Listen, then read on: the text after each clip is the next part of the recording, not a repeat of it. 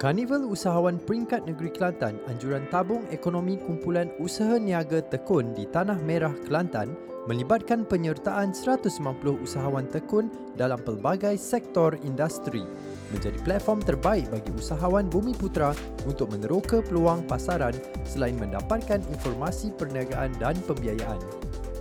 Ikuti tim EFM bersama inisiatif Tekun dalam mewujudkan komuniti dan jaringan usahawan bagi memupuk budaya keusahawanan dalam kalangan masyarakat. Seorang lagi usahawan, uh, kita ada Encik Kamal Zakaria. Mungkin uh, Encik Kamal boleh ceritakan sedikit apakah itu uh, apakah itu uh, perniagaan yang dijalankan berapa lama kenapa memilih bidang ini uh, gitu. Okey.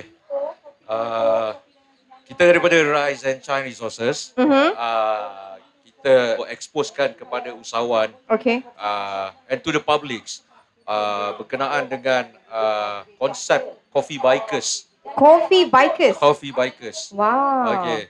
So coffee bikers ni is uh, sebenarnya combination di antara uh, cookies dan juga coffee. Okey. Alright. Jadi uh, uh, kita telah menjalankan uh, perniagaan ni uh, bermula daripada uh, uh, dessert cafe Okey. dalam tiga tahun yang lepas Aha. uh, di Subang Jaya Alright. uh, dengan nama Alchemist Dessert Cafe. Mhm. Jadi di situ ialah uh, di mana kita fokus pada kopi, dessert Mhm. dan kemudian uh, tercetus idea tiga tahun yang lepas uh, sampai hari ini. Jadi kita uh, start dengan uh, coffee bikers Alright. sebab uh, coffee bikers ni lebih mudah uh, diuruskan Mhm. and semua orang minum kopi. Statistik di Malaysia sampai sekarang which is dengan Malaysia ni rakyat kita dah ada siap uh, Association of Coffee, Right. club membership, Uh-uh. coffee lovers. Really? Correct. Wow. Uh, jadi uh, kopi ni banyak jenis. Mhm. Okay. Uh, bikers ni kerana dia mobile. Okey. Then we want everybody boleh minum kopi Mhm. with the affordable price dengan kopi yang high range. Mhm. High range kopi. Dan biasanya style untuk minum kopi ni dengan cookies. Jadi kita develop sendiri in-house cookies kita Mhm. uh, dipackagekan dengan uh, high-end coffee tapi dengan affordable price. Kita buka konsep uh, open konsep. Okey. Uh, kita panggil uh, rakan niaga. Okey. Okey. Jadi semua semua semua orang boleh buka perniagaan ni. Okey. Uh, dan konsep dia di mana uh, it run by itself. Mhm. Okey. Uh, atas pilihan lokasi uh, entrepreneurs tersebut. Okey. Jadi pihak tekun akan uh, memberi pembiayaan tadi Mhm. atas dasar kategori apa yang dia pilih. Okey. Okay. In the same time, uh, usahawan ni kita akan educate dia dengan training. Okey. Beside the trainings, this is called a second chance of life.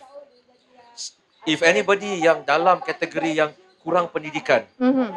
maknanya dia nak memulakan perniagaan. Okey. Jadi kita packagekan sekali di mana kita combine dengan uh, latihan tadi Mhm. selama setahun untuk run the business as a very practical Mhm. dan end of the first year all these entrepreneurs akan dapat diploma business study daripada local university Right. di mana kita sendiri telah membuat program ni Mhm. bersama UTM Space. Program ni kita panggil is a strategic business partnership. Right. Okay, because uh, Hanya untuk kopi dan cookies ini saja ataupun dia boleh pilih lain-lain jenis bisnes ke uh, so buat sementara waktu ni kita fokus pada cool.fi, Okey. uh, always on bikes, Right. this coffee. Mhm. uh, dia terbuka pada semua orang. Uh, in business kita tak boleh sebut yang we help people to have a business. Right. What we are looking at is uh, to encourage people to do a business. Okey. Uh, that's why kita akan educate with a very aggressive Mhm. uh, rakan niaga tadi. Right. That's why it's education, academics must come together with the business. To me, there's there's a lot of thing from sky. Okay, it's just in life is how you want to choose it to be.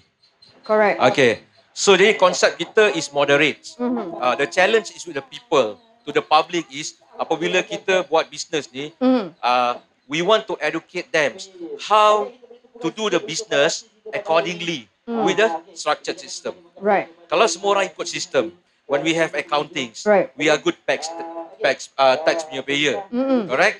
Jadi kita boleh ada integrity untuk bayar semula loan Correct. and to generate income.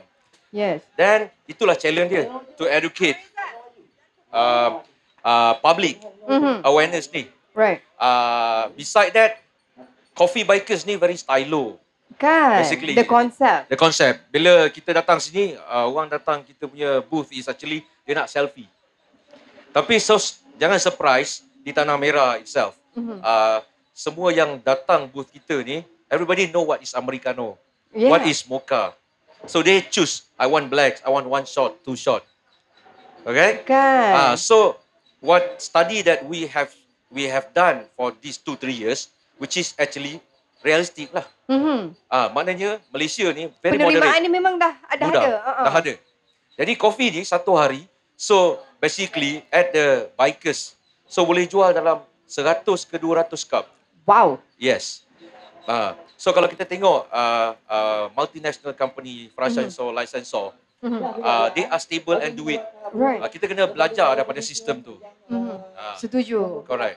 Jadi uh, Ah. kalau mungkin uh, Encik Kamal ada Ah. harapan, nasihat kepada usahawan swasta sana kalau mungkin nak join sekali macam mana agaknya? Uh, boleh pergi pada uh, Instagram kita who.fi Mhm. uh, dan juga boleh drop by kita punya Instagram Alchemist Dessert Cafe. Okay. Uh, because dekat situ uh, we are in the same group Right. uh, and can be reachable uh, through Facebook jugalah. Mhm. Uh, for this coffee bikers uh, Instagram dia still co.fi uh, tapi for the Facebook uh, can go to the Alchemist Dessert Cafe Alchemist Dessert Cafe.